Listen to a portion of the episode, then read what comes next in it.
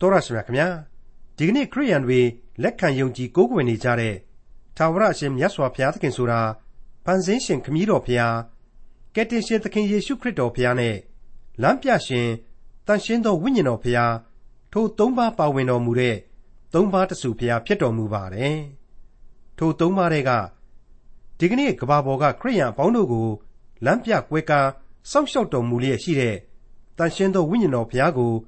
စိတ်နာအောင်ပြုမှုနေကြတာကလည်းခရိယန်တွေဖြစ်ကြပါတယ်။ဒီလိုတန်ရှင်းသောဝိညာဉ်တော်ဘုရားကိုစိတ်နာအောင်ပြုမှုနေကြတာဟာအခုမှမဟုတ်ဟိုးရှိမစွအချိန်ကာလကလေးကဖြစ်တဲ့အကြောင်းဘယ်လိုဘယ်ပုံမျိုးနဲ့တန်ရှင်းသောဝိညာဉ်တော်ဘုရားကိုစိတ်နာစေတယ်လဲဆိုတာတွေကိုစဉ်းစားဆင်ခြင်စရာတွေးရမှာဖြစ်တဲ့ခရိယန်တမန်ကျမ်းရဲ့ဓမ္မဟောင်းကျမ်းပိုင်းတွေကဟေရှာယနဂတိကျမ်းအခန်းကြီး62နဲ့အခန်းကြီး63တို့ကို ဒီကနေ့သင်သိရသောတမန်ကျမ်းအစီအစဉ်မှာလေ့လာမှာဖြစ်ပါတယ်။ဒီကနေ့လောကီလူသားတွေဖန်ဆင်းရှင်ဘုရားကိုကြောက်ရွံ့ယိုသေးပြတ်ဖို့ကိုးကွယ်မှုမရှိတာဟာဘုရားရှင်ကလူတွေရဲ့စိတ်ကိုတမင်တက်တက်ခိုင်မာစေတာလားဆိုတာကိုလည်းစဉ်းစားဆင်ခြင်ကြရမှာဖြစ်တဲ့ဟေရှာယအနာဂတိကျမ်းအခန်းကြီး62နဲ့အခန်းကြီး63တို့ကိုဒေါက်တာထွန်းမြတ်အေးကအခုလိုသုံးသပ်တင်ပြမှာဖြစ်ပါတယ်။ မိษွေတို့နဲ့ကျွန်တော်တို့ဒီကနေ့ဆက်လက်ပြီးစဉ်းစားလေ့လာဖို့ရှိနေတာကတော့ဟေရှာယနဂတိကျမ်းအခန်းကြီး62ပဲဖြစ်ပါတယ်။ကယ်တင်ရှင်သခင်ခရစ်တော်၏ဒုတိယအကြိမ်ကြွလာတော်မူပြီးတော့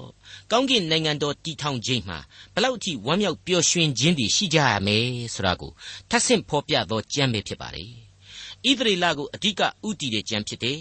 ဒါပေမဲ့ယုံကြည်သူကျွန်တော်များခရိယန်အားလုံးတို့အတွက်အလွန်ကောင်းမွန်သောသင်ခန်းစာများပါဝင်နေတယ်လို့ကျွန်တော်အနေနဲ့ကြိုတင်ပြီးတော့မိတ်ဆက်ပေးထားခြင်းပါတယ်။ဟေရှာနဂတိကျမ်းအခန်းကြီး62အငယ်1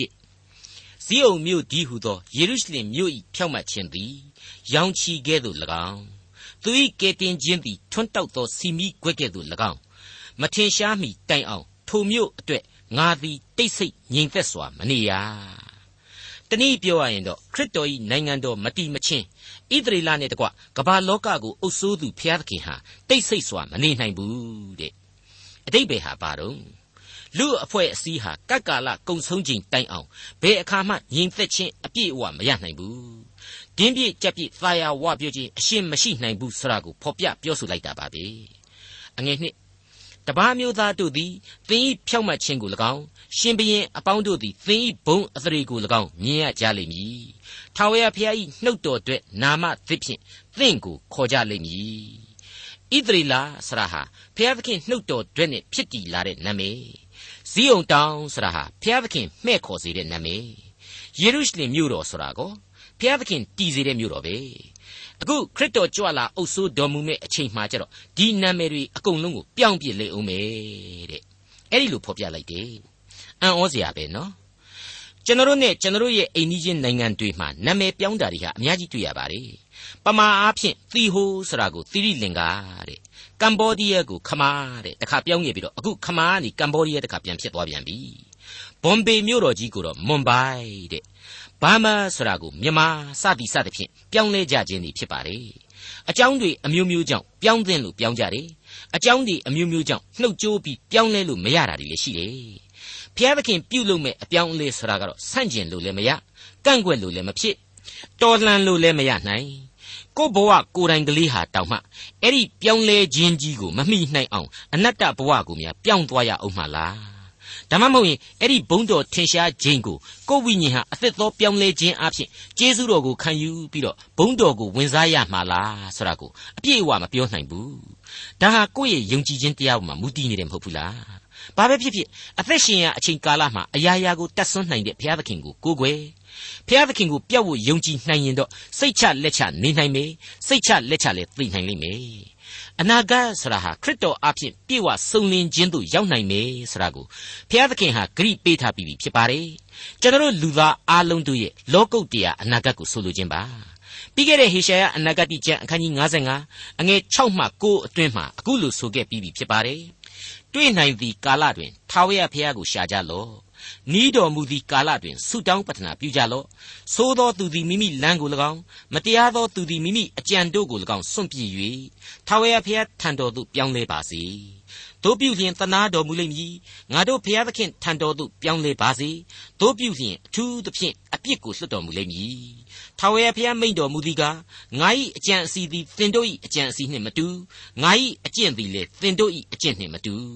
မိုးကောင်းကင်သည်မြေကြီးတက်သာ၍မြင့်သကဲ့သို့ငါ၏အကျင့်သည်သင်တို့၏အကျင့်တက်၎င်းငါ၏အကြံအစီသည်သင်တို့၏အကြံအစီတက်၎င်းသာ၍မြင့်၏တဲ့မိတ်ဆွေအပေါင်းတို့ ပြစ္ဆုတ်ပံကာလမှာပင်တည်ရှိနေတဲ့လူသားတို့ဘယ်လို့မှကြံစည်၍မမိနိုင်သောငြိမ်သက်ခြင်းနဲ့ဝမ်းမြောက်ခြင်းကိုခံယူထားနှင့်ကြပါကဲတင်ချင်းကျေးဇူးတော်ကိုဖက်တွေထားကြပါလူတို့လက်ဖြင့်မလုံနိုင်တဲ့အဖအီနိုင်ငံတော်ကိုယုံကြည်ခြင်းအပြင်မုတ်ချမသွေတက်လှမ်းနိုင်ပါ रे ဟေရှာယအနာဂတိကျမ်းအခန်းကြီး62အငယ်3မှ5 သင်ကိုစွန့်ပစ်တော်သူဟု၍၎င်းသင်၏မြေကိုလူစိတ်ညံသောမြေဟု၍၎င်းနောက်တဖန်မခေါ်ရသင်သည်ငါနှစ်သက်သောသူသင်၏မြေသည်လက်ထပ်သောမြေဟုသောအမည်ကိုရလိမ့်မည်အကြောင်းမူကားထာဝရဘုရားသည်သင်ကိုနှစ်သက်တော်မူ၏သင်၏မြေကိုလည်းလက်ထပ်ရလိမ့်မည်လူပြိုသည်အပြိုကညာနှင့်လက်ထပ်တဲ့ကဲ့သို့သင်၏သားတို့သည်သင်နှင့်လက်ထပ်ကြလိမ့်မည်မင်္ဂလာဆောင်လူလင်သည်မင်္ဂလာဆောင်သူတို့သမီး၌ဝမ်းမြောက်တဲ့ကဲ့သို့သင်၏ဖျားသခင်သည် သင်၌ဝမ်းမြောက်တော်မူလိမ့်မည်ဒီကနေ့ဒီအချိန်မှမေတ္တာတရားကိုတောင်းတနေတဲ့လူသားတွေဆာငတ်ခင်မွတ်နေတဲ့လူသားတွေဟာအများကြီးပါပဲရေများရာမှသာမိုးတွေကလိုက်ပြီးတော့ရွာနေပါတယ်ကန်ဆိုးမှသွားရမှလဲမိုးဟာလိုက်လို့ရွာနေပါတယ်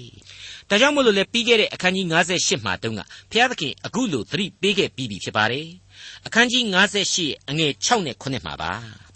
ငါနှစ်သက်သောအစာရှောင်ခြင်းဟူမူကား မတရားသောအချီအနှောင်ကိုချွတ်ခြင်းလေးသောဝန်ကိုချခြင်းညှင်းဆဲခံရသောသူတို့ကိုလွှတ်ခြင်းထမ်းဖို့ရှိသမျှကိုချိုးခြင်းမဟုတ်လောမွတ်သိပ်သောသူကိုအစာကျွေးခြင်းနေရာမရှိဆင်းရဲသောသူတို့ကိုကိုယ်အိမ်သို့ဆောင်ခြင်းအဝတ်မရှိသောသူကိုမြင်လျင်အဝတ်ကိုပေးခြင်းကိုယ်အသားကိုမရှောင်ဘဲနေခြင်းမဟုတ်လောတဲ့မိတ်ဆွေအခုအချိန်ကာလမှာဘုရားသခင်ရဲ့နိုင်ငံတော်ကတော့မေတ္တာနှင့်ပြည့်စုံသောလောကလူပုံပဲဟုတ်တယ် ဖျားသခင်ရဲ့နိုင်ငံတော်ကိုရည်စူးဖော်ပြနေပါတယ်မေတ္တာနှင့်ပြည့်စုံသော လောကလူပုံတဲ့သမိုင်းစာမျက်နှာတွေမှာလူသားတွေဟာစိတ်ကူးသာယဉ်နေကြတာ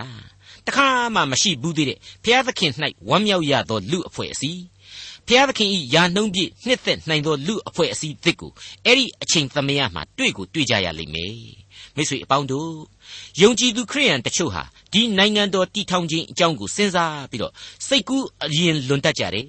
စိတ်ကူးအရင်လွန်လွန်အားကြီးတော့အစွန်းတစ်ဖက်ကိုရောက်သွားရတယ်လောကပွဲလန်းသပင်ကြီးတွေရဲ့ပုံစံမျိုးကိုအသေးဆုပ်ကိုင်းပြီးတော့ကိုယ့်ရဲ့ပြစ္ဆုတ်ပံကာလလူဘဝတာဝန်တွေကိုအထင်သေးလာကြတယ်စွန့်ပစ်ချင်ကြတယ်စိတ်ကုန်ကြတယ်အဲ့ဒီနည်းအားဖြင့်ဘုရားသခင်ရဲ့လက်တော်မှာသာရှိတဲ့အရာဘုရားသခင်ကြိုက်နှစ်သက်တဲ့အချိန်မှာကြိုက်နှစ်သက်တယ်လို့စီရင်မဲ့အရာကိုလူအစွဲနဲ့သွားပြီးတော့အဖြေထုတ်တတ်ကြတယ်ဖြစ်ကိုဖြစ်ရမယ်ဖြစ်မဲ့နီးဟာလေဒီလိုဒီလိုသာမှန်ရမယ်ဆိုတဲ့အယူသီးမှုတွေ အနာဂတ်တန်သစွန်ပကာကို့မှာပဲရှိသေးအောင်ရောင်နဲ့အယူသီးဖောက်ပြန်ခြင်းတွေကိုသတင်းနဲ့စာနယ်ဇင်းတွေမှာကျွန်တော်အမြောက်အများတွေ့နေရပါတယ်အစွန်းရောက်မှုတွေအကြောင်းကိုပြောတာပါဒါရီဟာဘုရားသခင်အလိုတော်နဲ့ဆန့်ကျင်တဲ့အယူတွေပဲဖြစ်တယ်လို့သင်သိရသောသမာကျမ်းကပြတ်သားစွာခံယူပါတယ်ယုံကြည်သူအပေါင်းတို့သတိထားရှောင်ကျဉ်ကြရလိမ့်မယ်လို့လည်းကျွန်တော်ဆိုချင်ပါတယ်ကျွန်တော်ဆိုခြင်းတယ်ဆိုတာကတော့ကျွန်တော်ပတ်ဝန်းကျင်အမြင်ကလေးနဲ့ဆိုခြင်းတယ်ကပြောတာပါနော် အမှန်ကတော့ဘုရားသခင်အလိုတော်ဟာဘယ်လိုရှိနေတယ်ဆိုတာကိုအခုဟေရှာယအနာဂတိကျမ်းအခန်းကြီး62အငယ်6မှ9ဟာအခုလိုဖော်ပြပေးလိုက်ပါတယ်။အိုးယေရုရှလင်မြို့နင်းညမပြတ်တိတ်ဆိတ်စွာမနေရသောလူဆောင်တို့ကိုသင်ဤမြို့ရိုးပေါ်မှငါထားပြီ။ထာဝရဘုရားကိုအောက်မေ့စေသောသူတို့တိတ်ဆိတ်စွာမနေကြနှင့် ယေရုရှလင်မြို့ကိုအမြဲတည်တော်မမူမြေကြီးပေါ်မှာချီးမွမ်းစရာအကြောင်းဖြစ်စေတော်မမူမီတိုင်အောင်ဖျားသခင်ကိုမငြိမ်စေကြနှင့်ထာဝရဘုရားကသင်၏ရန်သူတို့ကိုသင်၏စပားနှင့်နောက်တဖန်ငါမကြွေသင်သည်ကြိုးစား၍လှုပ်သောစပြည့်ရည်ကိုတပားမျိုးသားတို့သည်မတော့ရကြစပားကိုရိတ်သောသူတို့သည်ကိုယ်တိုင်စား၍ထာဝရဘုရားကိုချီးမွမ်းကြလိမ့်မည်စပြည့်သီးကိုသိမ်းသောသူတို့သည်ငါ၏တန်ရှင်းရာဌာနတိုင်းအတွင်း၌စပြည့်ရည်ကိုတောက်ကြလိမ့်မည်ဟုတကိုးကြီးသောလက်ရလက်ယုံတော်ကိုတိုင်တီး၍ကျိန်ဆိုတော်မူပြီကဲရှင်းနေပြီမဟုတ်ဘူးလားအနန္တကာလအတွက်ဗျာဒိတ်တော်ဒီကိုချထားတယ်ဒါပေမဲ့အချိန်ကာလဆိုတာကသူ့သဘောအဲ့ဒီလိုရောက်မလာသေးတဲ့အရာကိုမျှော်လင့်ယုံကလွဲလို့ဘဝရဲ့လက်ငင်းတာဝန်တွေကိုကျေးဇူးတော်ချီးမွမ်းပြီးတော့လောက်ကင်ဆောင်ရွက်နေကြရလိမ့်မယ်သစ္စာတရားနဲ့ဆောင်ရွက်သွားကြရလိမ့်မယ်အနာဂတ်ကာလအတွက်ဆုတောင်းလျက်မျှော်လင့်ကြရလိမ့်မယ် ဟေရှာယအနာဂတိကျမ်းအခန်းကြီး62အငယ်30မှ32မြို့တကားမှထွက်ကြထွက်ကြလူများဖို့လမ်းကိုပြင်ကြမြေဖို့ကြဖို့ကြကြောက်များကိုပယ်ရှင်းကြလူများအဖို့အလံကိုထူကြမြေကြီးစွန်းတိုင်အောင်ထာဝရဘုရားမိန့်တော်မူသည်ကားသင်ကိုကယ်တင်သောသူသည်လာ၏မိမိခံတိုက်သောအခသည်မိမိ၌ပါလျက်ဆုလက်တော်သည်ရှေ့တော်၌ရှိ၏ဟုဇိယုန်သူတို့သမီးကိုပြောကြလော့ သူတို့သည်တန်ရှင်းသောသူထာဝရဘုရားရွေးနှုတ်တော်မူသောသူဟု၍၎င်းသင်သည်သူတို့ဘာမစွန့်ပြစ်စီပင်သောမြို့ဟု၍၎င်းသမုတ်ချင်းကိုခံရလိမ့်မည်အနာဂတ်သို့ဆိုပြီးတော့အတိအကျဖော်ပြလိုက်တာ ਨੇ အတူတူပါပဲအချိန်ဟာအလွန်ဝေးပါသေးတယ်မြေကြီးစွန်းသို့တိုင်အောင်မိန့်တော်မူတယ်သင်ကိုကယ်တင်တော်သူလာတယ်တဲ့အချိန်ဟာဝေးသေးတာတော့မှန်တယ် ကျေးဇူးတော်ဟာအဲ့ဒီဝေးကွာတဲ့အချိန်အတိုင်းအတာအတိုင်းပို၍ပို၍ကျေပြတ်နှက်ဆိုင်လွန်းလှတယ်ဆိုတာကိုသတိရဖို့ဒီနေရာမှာကျွန်တော်တို့အထူးပဲအာရုံပြုကြပါစို့အဲ့ဒီလိုကျေးဇူးတော်ကိုခံယူသူအပေါင်းတို့ဟာဘုရားသခင်ရှေ့တော်မှောက်ကိုမိမိတို့ခံယူတတ်တဲ့အဖို့အခကိုယူဆောင်ပြီးလာရတယ်သူတို့အတွက်ဆုလက်တော်တွေကိုလည်းဘုရားသခင်ပေးမယ်တဲ့သူတို့ကိုတန်ရှင်းသောသူများအဖြစ်ခေါ်ဝေါ်ပြီးတော့သူတို့ရဲ့မြို့ရွာဟာလည်းစီပင်သောမြို့ဖြစ်ရမယ်လို့ဗျာဒိတ်ပြုပြီးလိုက်ပါတယ်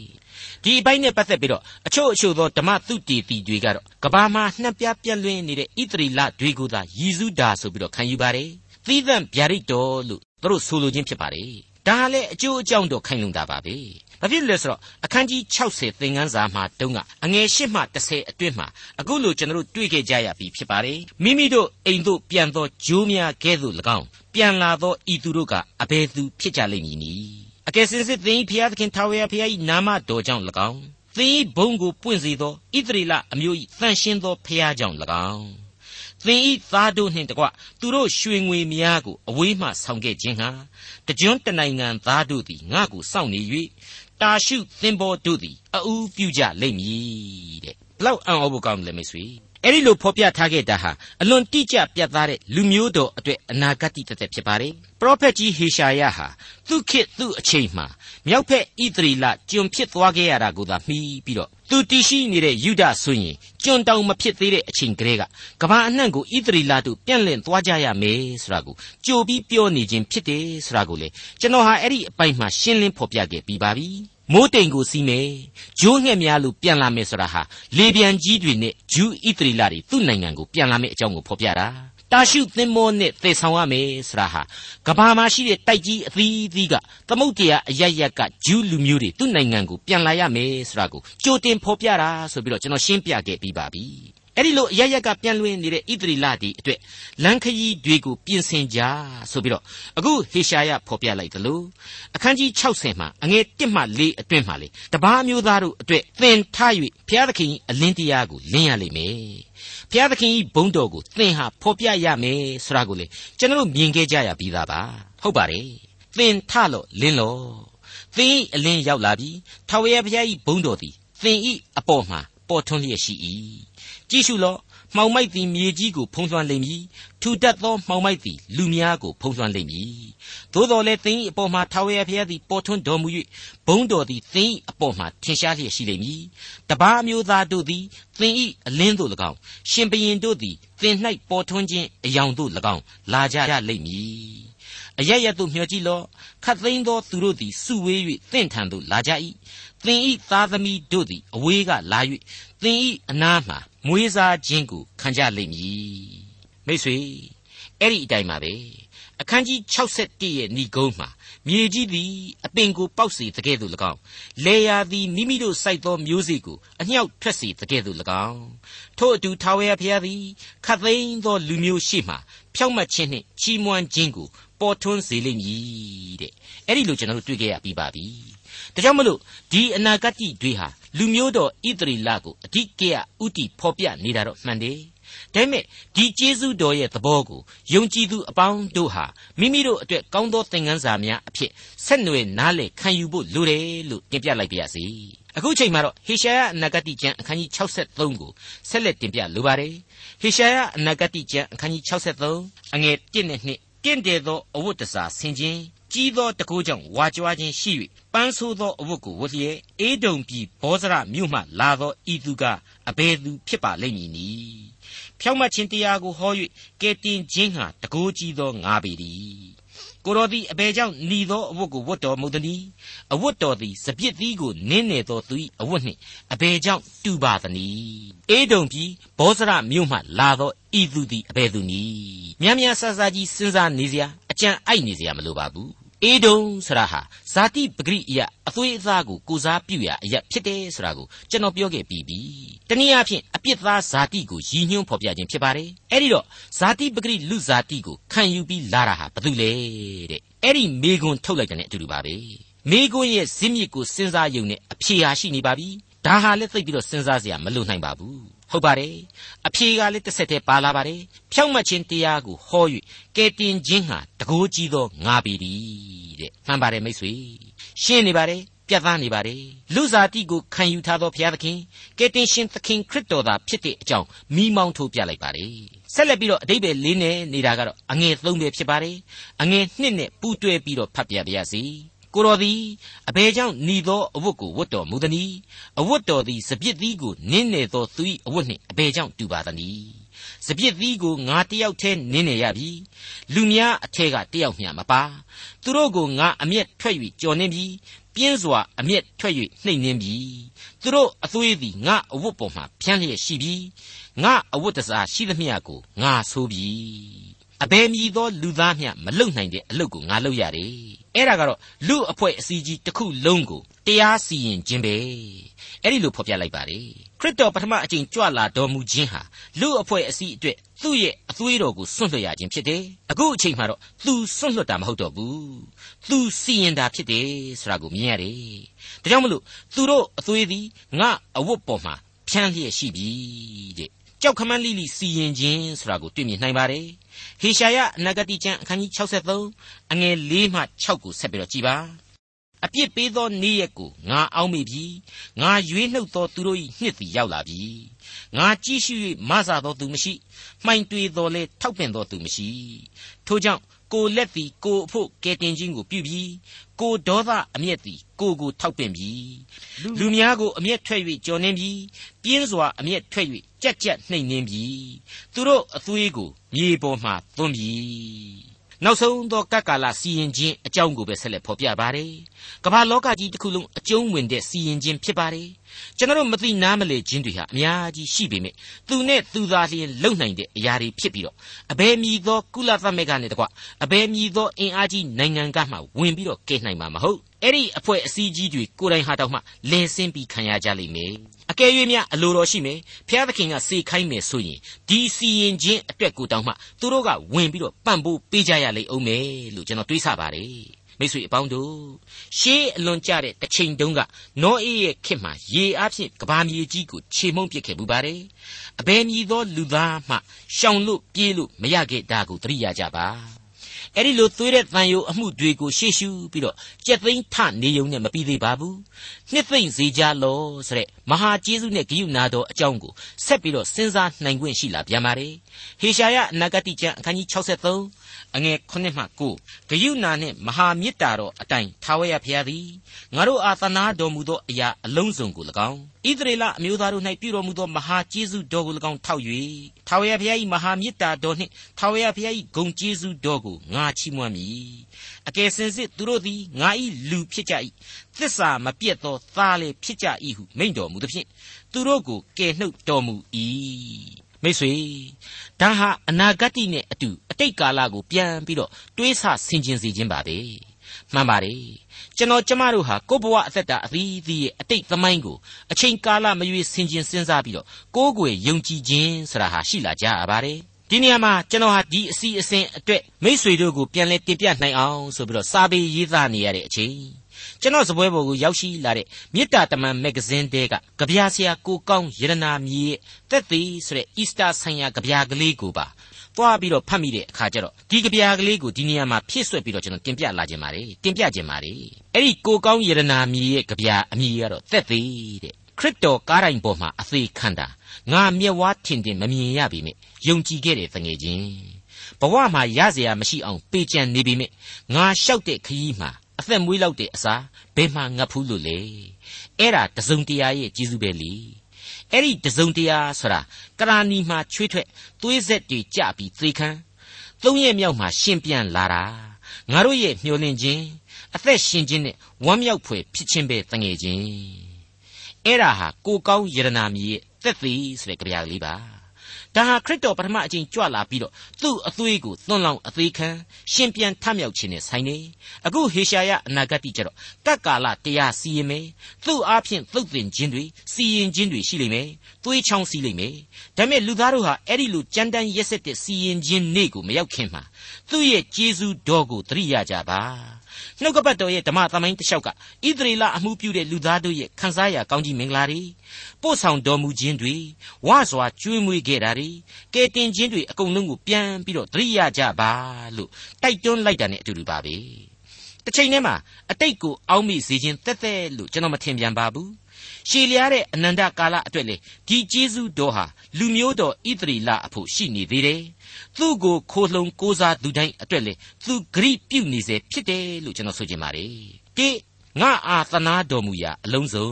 တဲ့နှစ်မေတ္တာဂယုဏတော်ရှိသည့်အတိုင်းရွေးနှုတ်တော်မူ၏တဲ့သုံးအချက်ကတော့ရှေးကာလပတ်လုံးချီဆောင်တော်မူ၏တဲ့ အဲ့ဒီလိုပြုတော်မူသောကျေးဇူးတော်တို့ဟာအတိတ်နဲ့ဆိုင်တယ်ဆိုရင်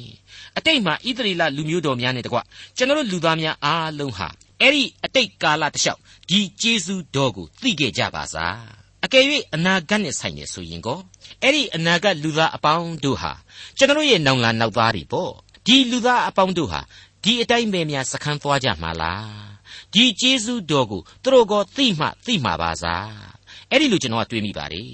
အခုဆက်ပြီးတော့အဲ့ဒီသဘောတရားကိုပဲဟေရှာယဖော်ပြပေးပြန်ပါလိမ့်မယ်ဟေရှာယအနာဂတိကျမ်းအခန်းကြီး63အငယ်30မှ14သူတို့သည်လည်းပုန်ကန်၍တန်ရှင်းသောဝိညာဉ်တော်ကိုနာစီကြ၏ထို့ကြောင့်သူတို့ကိုရံပက်ပြု၍စစ်တိုက်တော်မူ၏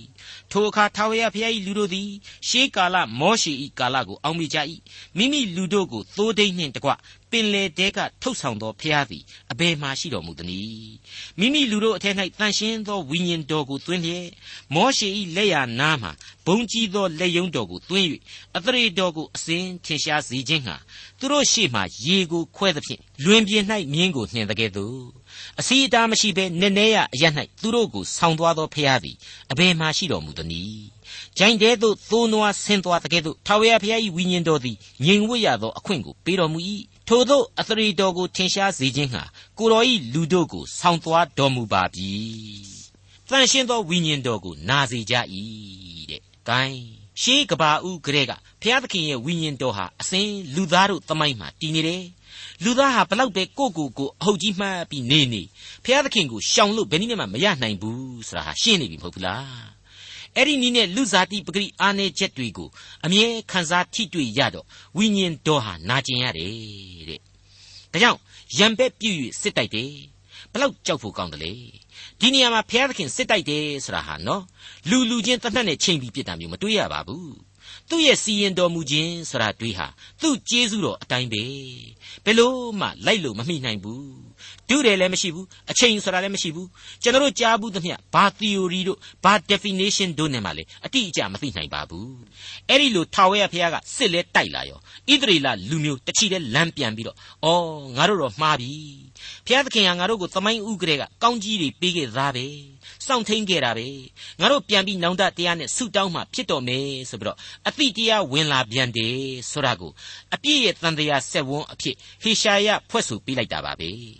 ဟေရှာယအနာဂတိကျမ်းအခန်းကြီး63အငယ်15မှ19ကောင်းကင်ဘုံကငုံကြည့်တော်မူပါတန်ရှင်း၍ဘုံကြီးသောနေရာကကြည့်ရှုတော်မူပါစိတ်တော်အားကြီး၍တကိုးကိုပြတော်မူခြင်းဂယုဏတော်လှုပ်ရှား၍ကျွန်ုပ်တို့ကိုသနာစုံမဲ့တော်မူခြင်းသည်အဘယ်မှရှိပါသနည်းချုပ်တီးတော်မူသလောအာဗြဟံသည်ကျွန်ုပ်တို့ကိုမသိဣသရေလသည်လက်မခံတော်လေအကယ်စင်စစ်ကိုတော်သည်ကျွန်ုပ်တို့၏အဖဖြစ်တော်မူ၏။ အိုးထာဝရဖျားကိုတော်သည်အကျွန်ုပ်တို့၏အဖဖြစ်တော်မူ၏ရှေးကာလမှစ၍အကျွန်ုပ်တို့ကိုရွေးနှုတ်တော်ဖျားဖြစ်တော်မူ၏။အိုးထာဝရဖျားကိုတော်၏လမ်းမှအကျွန်ုပ်တို့ကိုအဘယ်ကြောင့်လွှဲစေတော်မူသနည်း။ကိုတော်ကိုမကြောက်ရွံ့မီအကြောင်းအကျွန်ုပ်တို့၏စိတ်နှလုံးကိုအဘယ်ကြောင့်ခိုင်မာစေတော်မူသနည်း။ကိုတော်၏ကျွန်တို့အတွက်အမွေတော်ဖြစ်သောအနွယ်တို့အတွက်ပြန်လာတော်မူပါ။ ကိုရောဤတန်ရှင်းသူတို့သည်ခဏသာအစိုးရပြီးမှရန်သူတို့သည်တန်ရှင်းရာဌာနတော်ကိုကြော်နှင်းကြသည်ဖြစ်၍အကျွန်ုပ်တို့သည်ကိုတော်မအုပ်ဆိုးဘူးသောသူကဲ့သို့၎င်းနာမတော်ဖြင့်သမုတ်ချင်းကိုမခံဘူးသောသူကဲ့သို့၎င်းဖြစ်ကြပါ၏ဒါဟာသမိုင်းကပီးထိုးရမယ်ဆူတောင်းတန်ဟေရှာယအားဖြင့်ပဲ့တင်နေသေးစေဣသရေလလူမျိုးတော်ရဲ့ဆူတောင်းတန်ပဲဖြစ်ပါတယ် ခရစ်တော်အဖင်ယုံကြည်သူတိုင်းအားလုံးလေလိုက်လံဆုတောင်းတဲ့ဆုတောင်းပဲလို့ကျွန်တော်ခံယူပါတယ်။အဲ့ဒီဆုတောင်းတန်တဲမှာကျွန်တော်အလွန်ကြိုက်တဲ့အပိုင်းကတော့အိုးထာဝရဖေဟာကိုတော်ဤလမ်းမှအဘယ်ကြောင့်လွှဲစီတော်မူသနည်းကိုတော်ကိုမကြောက်ရွံ့မီအကြောင်းအကျွန်ုပ်တို့ဤစိတ်နှလုံးကိုအဘယ်ကြောင့်ခိုင်မာစေတော်မူသနည်းဆိုတဲ့အချက်ပါကိုတော်ကိုမကြောက်တာဟာစိတ်ခိုင်မာပြီးမကြောက်တာစိတ်ခိုင်မာတာဟာဘုရားသခင်ကတမင်လှုပ်တာလားဆိုပြီးတော့မိကွန်းထုတ်နိုင်တယ်လို့ဖြစ်လာပြန်ပါတယ် အဲ့ဒီသဘောမျိုးအရှင်းမဟုတ်ပါဘူးစိတ်ဓာတ်အထက်မှာပင်းဖြင့်ဇာတိပဂရိသဘောအရာခိုင်မာနေလို့ဘုရားသခင်ကိုမကြောက်ဘူးဆိုတာကိုဖော်ပြပါတယ်ပြီးတဲ့နောက်မှာတော့အဲ့ဒီလိုဘုရားသခင်ကိုကိုဟာမကြောက်တဲ့ဘဝအထိရောက်နေမှသိနာလေပြီးတော့စိတ်ကြေကွဲခြင်းရှိတယ်။နောင်တနဲ့ခံစားချက်ရှိလာတယ်ဆိုတာရဲ့အနှစ်ချုပ်အဖြေဟာပေါ်ထွန်းလာတယ်လို့ကျွန်တော်တင်ပြလိုပါတယ်မိတ်ဆွေသမိုင်းမှာဣသရီလတို့ဟာအကျဉ်းချင်းဒီစုကိုတောင်းခဲ့ကြရပြီလို့ကျွန်တော်ဆိုချင်ပါတယ် ပြည့်စုံတိကျသောအနာဂတ်အမြဲမှန်ကန်နေအောင်မြသစ္စာတရားအဖြစ်ပြတ်သားစွာကျွန်တော်ခံယူလိုက်ပါတယ်ဒေါက်တာထွန်းမြတ်၏စီစဉ်တင်ဆက်တဲ့တင်ပြရသောတမချန်းအစီအစဉ်ဖြစ်ပါတယ်နောက်တစ်ချိန်အစီအစဉ်မှာခရိယံတမချန်းရဲ့ဓမ္မဟောင်းကျမ်းပိုင်းတွေကဟေရှာယအနာဂတ်ကျမ်းအခန်းကြီး64အခန်းကြီး65နဲ့နောက်ဆုံးအခန်းကြီးဖြစ်တဲ့အခန်းကြီး66တို့ကိုလေ့လာမှဖြစ်တဲ့အတွက်စောင့်မျှော်နားဆင်နိုင်ပါတယ်။